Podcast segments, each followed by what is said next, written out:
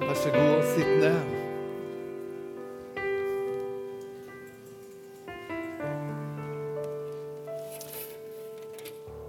Tusen hjertelig takk til lovsangstimen. Vi gir dem en god applaus.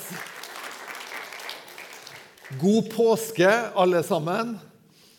Fantastisk å få lov å feire Jesus sin oppstandelse.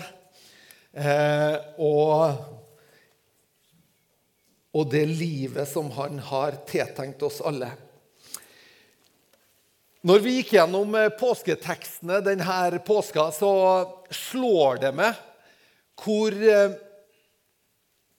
hvor nøye Jesus er på å fortelle sine disipler at det her som nå har skjedd, det har skjedd ifølge Skriftene. Han går ved flere anledninger gjennom Skriftene med dem.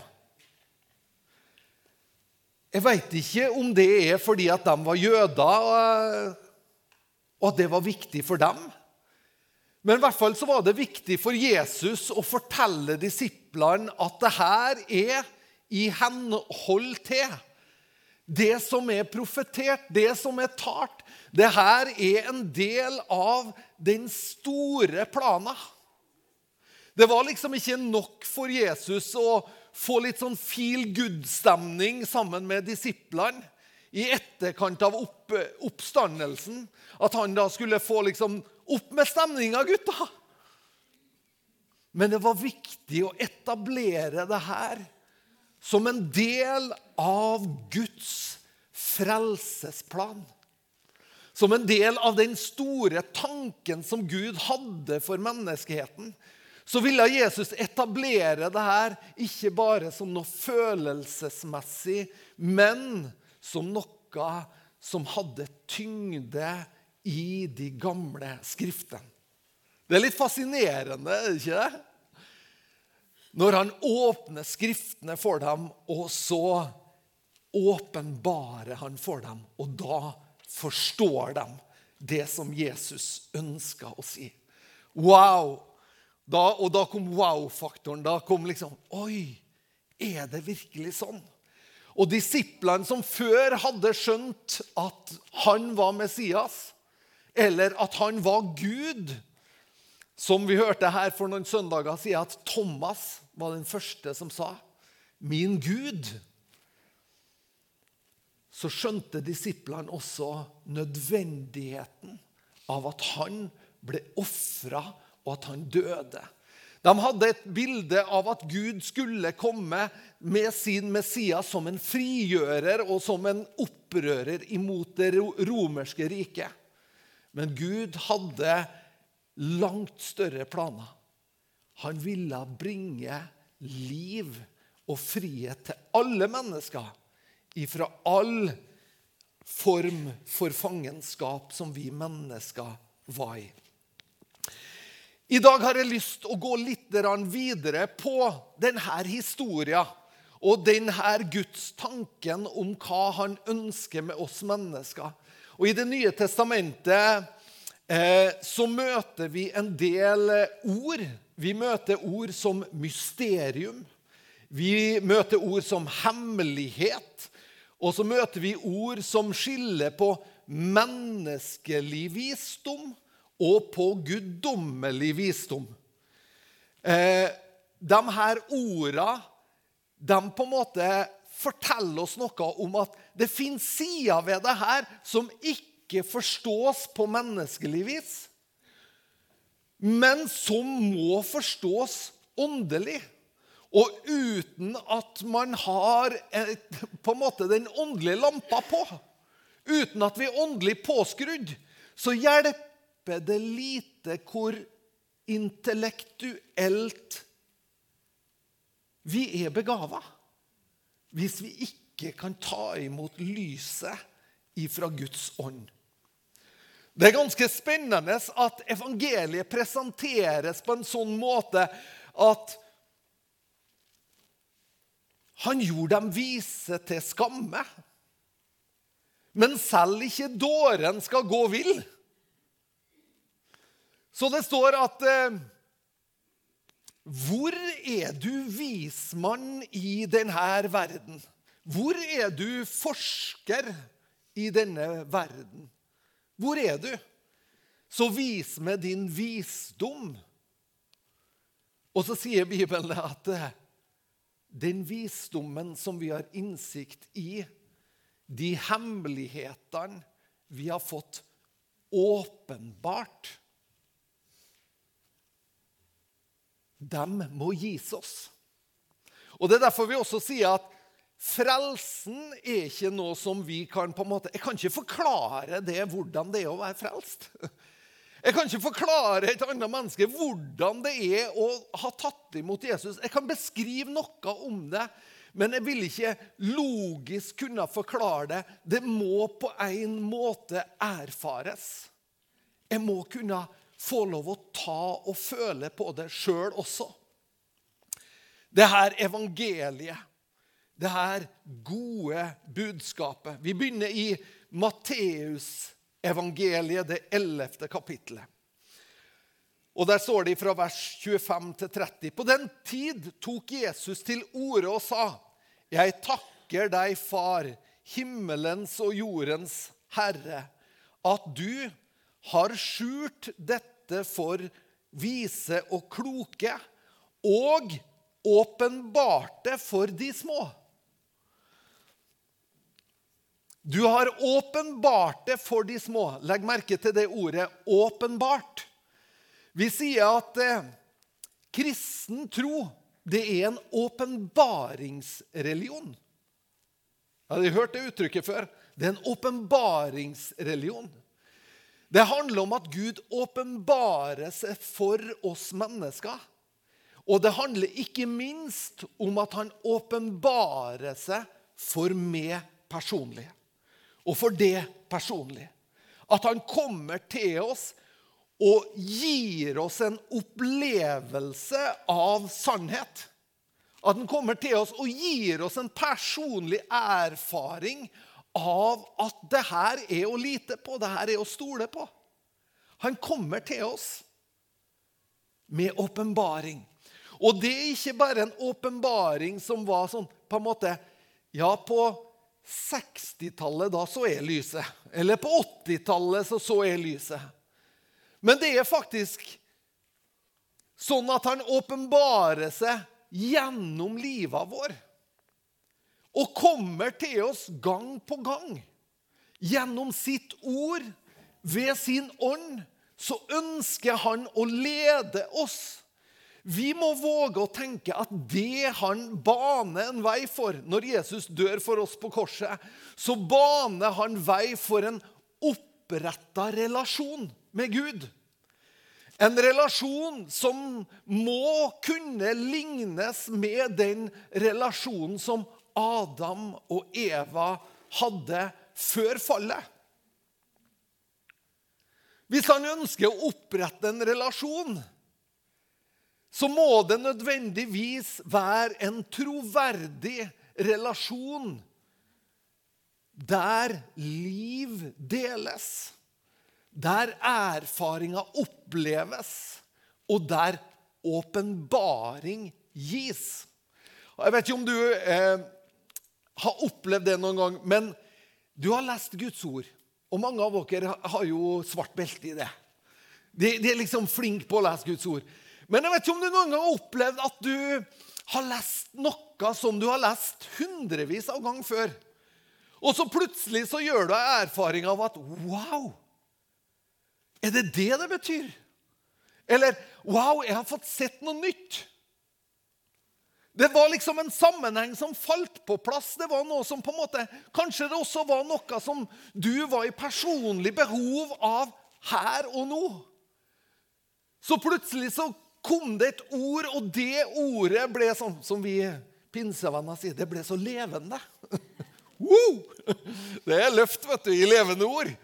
Wow! Men han har holdt det skjult for de vise og kloke og åpenbart det for de små. Så det første vi må være villige til, det er å erkjenne at eh, i meg sjøl så er jeg faktisk ikke stor. I meg sjøl så er jeg en av de små. Når jeg har valgt å følge Kristus, så har jeg samtidig valgt å regne meg sjøl inn i den klassen. Blant de små i denne verden. Ja, far. For slik det, eh, var det velbehagelig for det.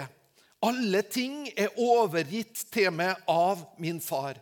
Og ingen kjenner Sønnen uten far. Heller ikke kjenner noen far uten Sønnen.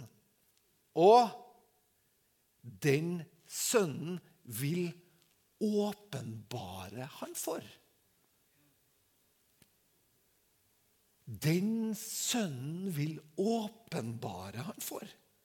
Gud, vil du åpenbare noe for oss?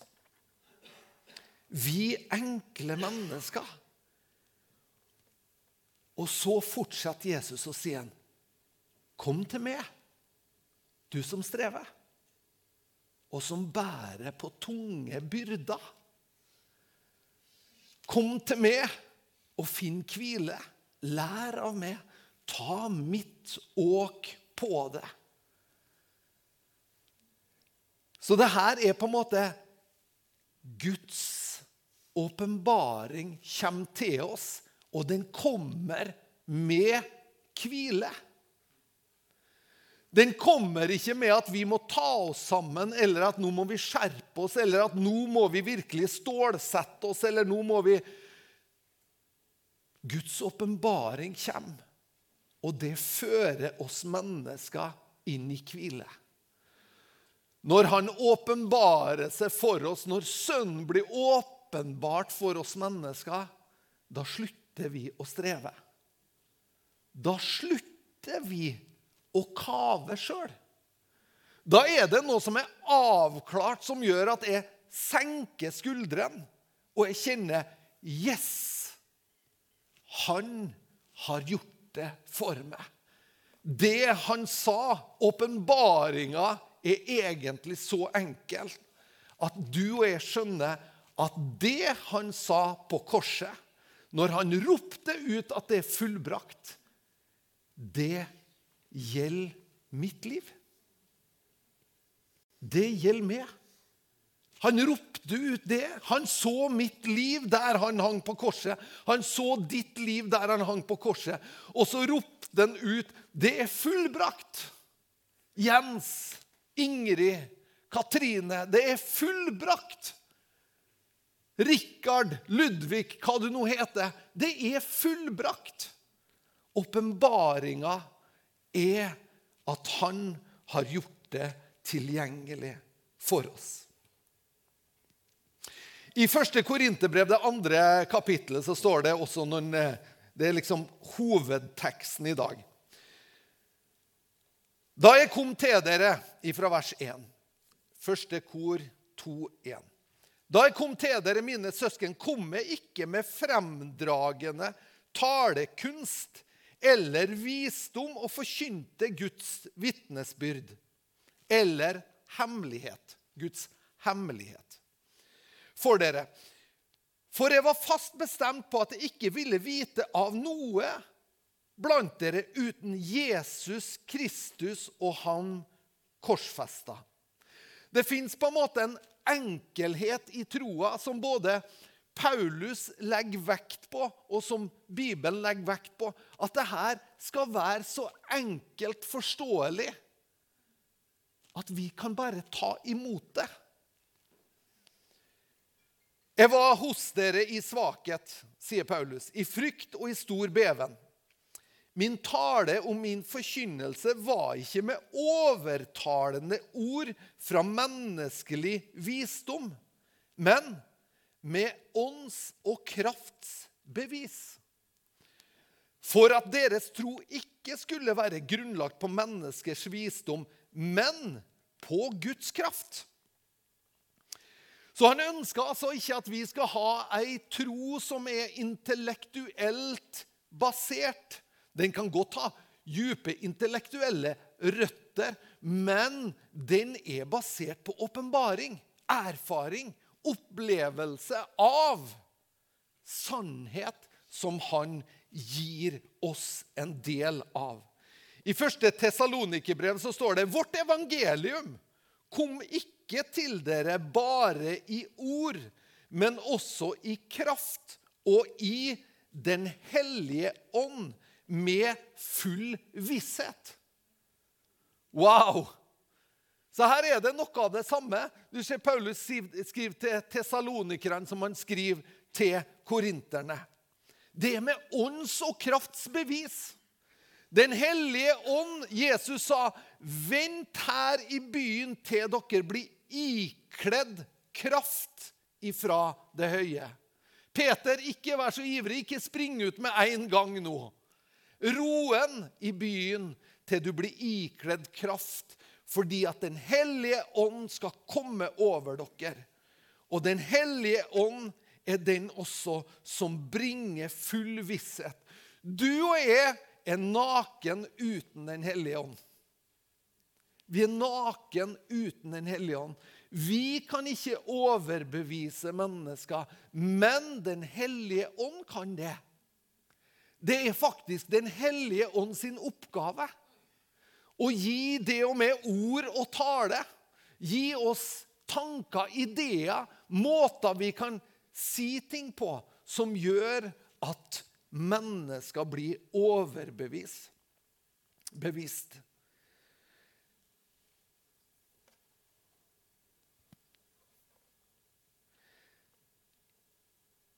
Tilbake til første Korinterbrev, i det sjette verset. Likevel taler vi en visdom blant de modne, ikke en visdom som tilhører denne tidsalder eller denne tidsalders herskere. De som går til grunne. Vi taler Guds visdom i hemmelighet, det skjulte den skjulte visdom som Gud før tidenes begynnelse forutbestemte til vår herlighet. Den visdom ingen av herskeren, herskerne i denne tidsalder har kjent. Så her er det noe som Gud vil vise oss mennesker, som på en måte ikke er utregna rent menneskelig. Og det har ikke heller sin kraft i det menneskelige, men i det guddommelige. Evangeliet kan ikke forstås ut ifra den menneskelige tankegangen bare. Det må erfares og oppleves. Hadde de kjent denne visdommen, da hadde de heller ikke korsfesta herlighetens herre. I Efeserne så sier Paulus det. Av den grunn er Paulus Jesu Kristi fange for dere hedninger, så sant dere har hørt om Guds nådes husholdning som ble gitt med for dere. Her er et nytt ord. Guds nådes husholdning. Er det et husholdningsbudsjett, eller hva er det?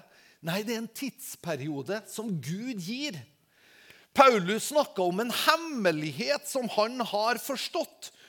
Hvordan, I vers 3 hvordan han ved åpenbaring gjorde hemmeligheten kjent for meg. Slik jeg ovenfor har skrevet i kortet. Og vers 5. Dette mysteriet ble ikke gjort kjent for menneskenes barn i tidligere slekter, slik det nå ved Ånden har blitt åpenbart. Det blir åpenbart. Vi må få del av det. Og i vers 7.: Dette evangelium er blitt en tjener for etter den Guds nådes gave som er gitt meg ved den mektige virkningen av hans kraft. Gud åpenbarer det for oss. Han viser det til oss. Han gir oss del av det for at vi skal kunne forstå, fatte og begripe. Vi som er av de små. Vi som er av de ringe i denne verden. Vi skal få lov å forstå det, ta det imot, kjenne på det. Og få lov å erfare det. at det her, det er min påske. Det her er min påske. Fordi at budskapet har blitt mitt. Fordi at budskapet har blitt min eiendel. Fordi at jeg eier det.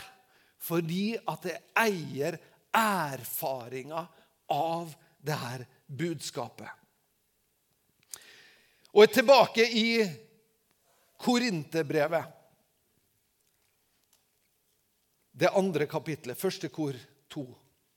Som det står skrevet i vers 9. Det, det øyet ikke har sett, og det øret ikke har hørt. Det som heller ikke kom opp i menneskers hjerte, det som Gud har forberedt for dem som elsker Han. Det som Gud har forberedt for dem som elsker Han. Det kom ikke opp. Det var ingen som kom på den ideen. Men Gud har forberedt noe for dem som elsker Han. Det står I Efeserne så står det at han skal bruke de kommende tidsaldra på å vise sin overmåte store rikdom i godhet imot oss som tror. Så Gud har en plan for det her. Hvordan han skal få lov å vise det og med hva han har forberedt for oss. Men Gud har åpenbart det for oss ved sin ånd. Tenk nå at det her gjelder deg personlig. At det her er ting som Gud har lyst til å vise det. Han har lyst til å ta det og med, med på ei vandring sammen med han, der han viser oss ting. Jeg skal sende dere talsmannen Den hellige ånd og han skal undervise dere. Han skal ta av det som er mitt, og gi til dere. Ennå kan de ikke bære alt det som jeg har lyst til å gi dere, sier Jesus. Men Den hellige ånd, talsmannen, skal være hos dere for alltid. Jeg husker når jeg ble en trestjerners pinsevenn. Hvis du er trestjerners pinsevenn, det, det det, da har du frelsesdato, dåpsdato og døpt i Den hellige ånds-dato skrevet i Bibelen. Er liksom det, da, er du, da har vi oppnådd det vi skal oppnå, liksom. Da er vi bam, bam, bam. Da er, da er det på plass. Men på en måte så tror jeg at en dato som vi en gang erfarte noe, det blir på en måte litt sånn fattigslig. Hvis ikke de datoene etterfølges av et liv og en puls og et nærvær som gjør at Jesus får lov å sette et tydelig preg på min hverdag Det er lite nytte i å vise til en dato da jeg ble fylt av Den hellige ånd, hvis det ikke fremdeles lever i den fylden? Hvis det ikke fremdeles lever i nærheten og kjennskapen, i pulsen og hjerteslaget ifra han som berørte meg? For han ønska å ta oss med på en livslang vandring sammen med han, der han stadig bringer sitt liv, sitt lys og sin åpenbaring til oss. For Gud har åpenbart det ved sin ånd. For ånden ransaker alle ting, også dybdene i Gud. Hør her. Gud, han lar oss finne ut av seg. Han lar oss ved ånden ransake dybdene i han. Han lar oss gå på skattejakt hos han for at du og jeg kan finne det som han har skjult for oss. For at vi kan få del av det som han har forberedt for oss. For hvem blant menneskene kjenner det som hører mennesket til, uten menneskets ånd som er i ham? Hvem kjenner til hva som bor i djupet av din sjel? Hva som bor i djupet av ditt liv? Hva er det som, hva er som bor lengst inn i det og med? Hvem kjenner til det uten vår egen ånd? Og hvis du da tenker at veldig mange mennesker de har egentlig ikke engang aktivert sin ånd. Det vil si, Den åndelige dimensjonen den lar vi ligge på hylla, den lar vi hvile. Vi, vi, vi vet ikke hvordan vi skal håndtere det der. Så vi lar det ligge. Mens det er der åpenbaringa fins. Det er der vi kan utransake både dybdene i Gud og i vår eget liv. På den måten kan jeg gå på skattejakt i mitt eget liv, og så kan jeg finne hva Gud har lagt ned i meg. Så kan han få lov å åpenbare neste steg for meg. Han kan få lov å åpenbare nye utfordringer for meg. Han kan få lov å åpenbare for meg noe så fantastisk som hvem jeg skulle gifte meg med.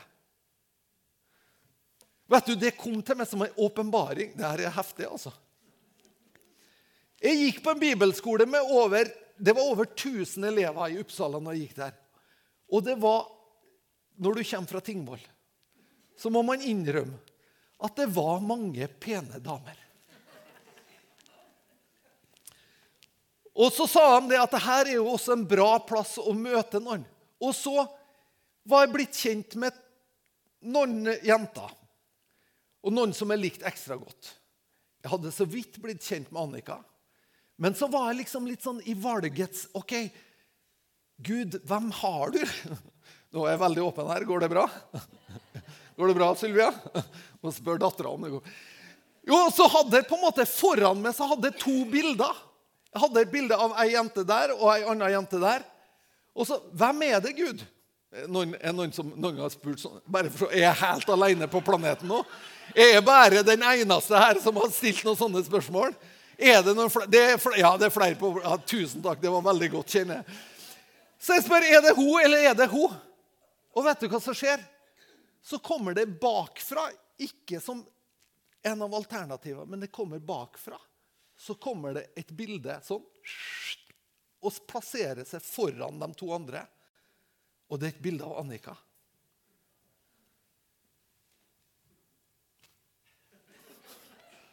Og vet du hva det første jeg tenkte? Da må jeg holde meg i ånden, tenkte jeg. For hun var skarp. Så jeg tenkte da må jeg holde meg i ånden. Men Gud åpenbarte det for meg fordi at jeg trengte å få det klart og tydelig. Ved sin ånd så åpenbarte Og for meg så var det nok. Da visste jeg liksom OK. Og så spurte jeg tilbake i mitt eget sinn, og så ett og et halvt år tidligere, kanskje var ett og et halvt, kanskje et år tidligere, så hadde jeg møtt Annika ute på gata i Uppsala når jeg og en kompis var ute og snakka med mennesker om, om, Jesus. Så hadde jeg møtt henne og så hadde jeg sagt til kompisen Du, Kai, ei sånn dame vil jeg ha.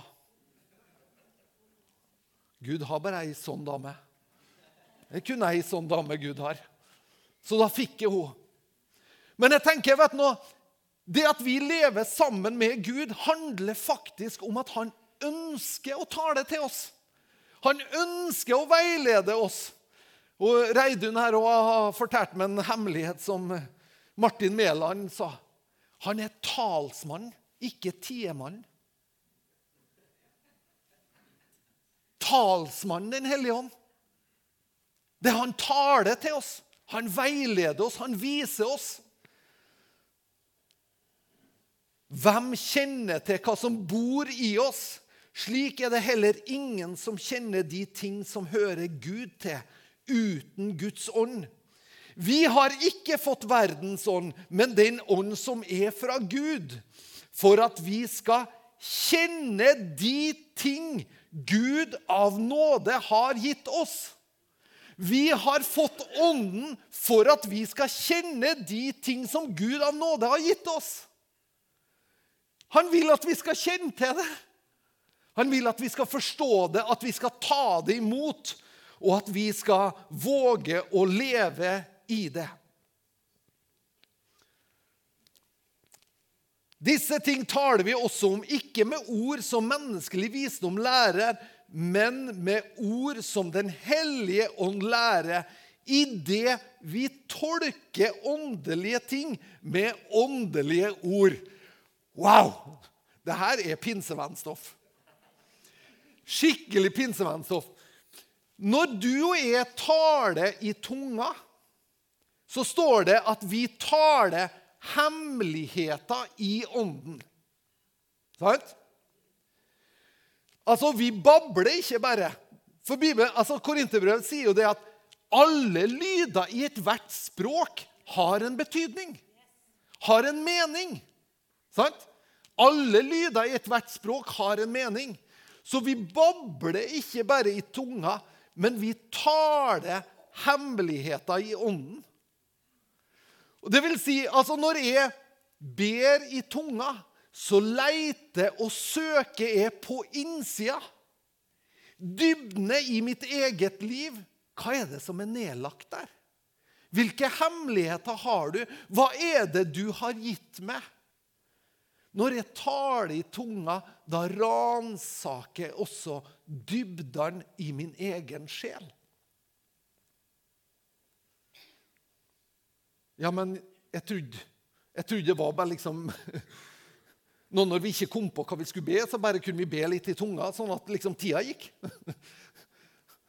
altså, Hvor feigt er det ikke liksom, hvis en, eh, hvis en som er, er, er, er, fylt med en hellig ånd og taler i tunga, skal be en halvtime? Så, så slipper en jo å finne på noe hele tida. Trodde det var rent praktisk, det her var.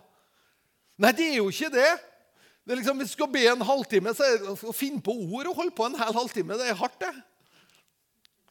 Det er jo ikke derfor vi har fått tungetale, for at vi skal liksom fylle ut tida. Ja, Men da gikk nå bønnetimen ganske fort, da. Nei, det er fordi at du og jeg skal finne dybdene i Gud. Planen i en manns hjerte er som et dypt vann. Et forstandig menneske henter det fram. Bringer det fram til forståelse. Ser det, skjønner det, forstår det. Gud, hva er det du har? Hva er neste steg for meg? Hva er ditt rom for meg? Hvor er min mulighet? Hvor er mine oppgaver? Hva er det jeg skal leve i? Hvem er det du ønsker jeg skal berøre? Hvem skal jeg betjene? Hellige ånd, vis meg i dag. Åpenbar det for meg i dag. Tal i dag. Hellige ånd, la det ikke være sånn at mine vitnesbyrd er ifra 70-tallet, ifra 80-tallet eller 2000-tallet. La mine vitnesbyrd være fersk. La meg få lov å være en bærer av et liv som fungerer i dag. Som viser din nåde i dag. Din åpenbaring i dag. Et sjelelig menneske tar ikke imot det som hører Guds ånd til. Fordi er det en dårskap. Han kan heller ikke begripe det, for det bedømmes åndelig. Men den som er åndelig, bedømmer alle ting. Men selv kan han ikke bli, bli bedømt av noen. For hvem har kjent Herren sin, så han kunne lære han? Men vi har fått Kristi sinn. Vi har fått Kristi sinn. Det er det han bana en vei for. Når han sa at det var fullbrakt, så sier han fremdeles hva er fullbrakt? Forsoninga er fullbrakt. Sant? Men han sier fremdeles 'bli i byen til de blir ikledd kraft'. Han sier ikke at alt, alt er fullbrakt. Han sier at det er fullbrakt. Forsoninga er fullbrakt. Og så sier han 'bli i byen til de blir ikledd kraft ifra det høye'. Dynamis ifra det høye. Og så er denne hemmeligheten som Paulus skriver om, det er at vi som hedninger, vi som før var langt borte, vi har blitt tatt helt nært inn, like nært ved Kristi kors. Så har vi blitt tatt like inn til Faderens hjerte. Og så har du og jeg fått lov å blitt innpoda i det edle oliventreet, som det står. Vi blir innpoda som Guds ekte barn. Han åpner det opp for oss. Det er mange slags tanker i en manns hjerte, så står det i ordspråkene. Men det er Herrens råd som skal bli stående. Herre, jeg lengter etter at vi skal få del av dine råd. Skal vi be sammen? Jeg har lyst til at vi står opp, og så kan lovsangeren også komme fram. Så står vi opp, og så har jeg lyst til å be nå om at Den hellige ånd skal fylle oss på en ny måte. At Den hellige ånd skal berøre oss på en ny måte. Jeg har lyst til å be om det. At det her er liv som vi kan leve i våre hverdager. Amen. Så hvis du er her og så kanskje du tenker ja, jeg trenger faktisk å forfriske det her åndelige livet. Jeg har vært i en strøm som jeg ikke helt klarer å finne tilbake til. Hvis du er der og sier jeg trenger å fornye det her i mitt liv, så skal vi be for det spesielt. Og hvis du er her og så tenker du at vet du noe, Erlend, det her har jeg aldri opplevd noe. Jeg har ikke noe erfaring av det her. Av at Den hellige ånd og verken åpenbare eller vise eller hva Den hellige ånd gjør. Jeg har ikke noe erfaring av det. Du er også hjertelig velkommen til å bare ta imot av Guds ånd nå, når vi ber. Og så er det kanskje også der på en måte det her har blitt en vane for deg. Tungetalen er blitt en vane. Det er ingen forventning lenger til hva som skal skje. Du trenger at forventninga til evangeliet at den forfriskes i ditt liv. Skal vi be sammen? Vi takker deg, Herre, for det du gjorde for oss på Golgata. Vi takker deg for oppstandelsen og livet som du har gitt. Vi takker deg, Herre, for den muligheten du gir oss mennesker, Herre. Når du kaller oss som er langt borte fra det, så kaller du oss helt nær til. Nær inn til det. Og så vil du tale til oss, og så vil du lede oss, og så vil du åpenbare det for oss. Og vi ber, Herre, om at du nå ved din ånd, at du ved din ånd, Herre, skal komme til oss og åpenbare det for oss. Led oss og veilede oss. Fyll oss med kraft. Fyll oss med ditt nærvær. Fyll oss med din, dine tanker, med dine planer, med dine veier. Fyll oss, Herre, sånn at vi ser, Herre. Salv våre øyne, sånn at vi ser det du vil vise oss, Herre. I Jesu Kristi navn. Jeg ber for hver og en av oss, Herre, som er her i, i denne formiddagen og i Jesu navn, at du at du skal komme med din ånd, og at du skal berøre oss. Takk at vi får lov å åpne våre hjerter og ta imot av din ånd. Ta imot av ditt nærvær. Vi takker deg for det. I Jesu Kristi navn. I Jesu Kristi navn. Hvis du ønsker at vi skal legge hendene på det og be for det, så kom fram her, og så skal vi be om at Den hellige ånd fyller det. At Den hellige ånds nærvær blir en helt naturlig del av ditt liv. Bare kom fram. Bare vær frimodig hvis du ønsker forbønn. Tar vi og lovpriser Gud litt sammen, og så kan du bruke denne tida litt personlig, som at du kan få lov å ta ei tid sammen med Han og spørre Han om hvordan Han vil lede, veilede det framover. Amen. La oss ta litt tid og vær frimodig nå. Kom fram, skal vi be for det også. Be om at det her kommer som et gjennombrudd i livet ditt. Amen. Amen. Hei, og takk for at du har sett på eh, en tale fra Betel Trondheim. Nå kanskje du sitter igjen med spørsmål og et behov for å snakke med noen. Da er du hjertelig velkommen til å ta kontakt med oss.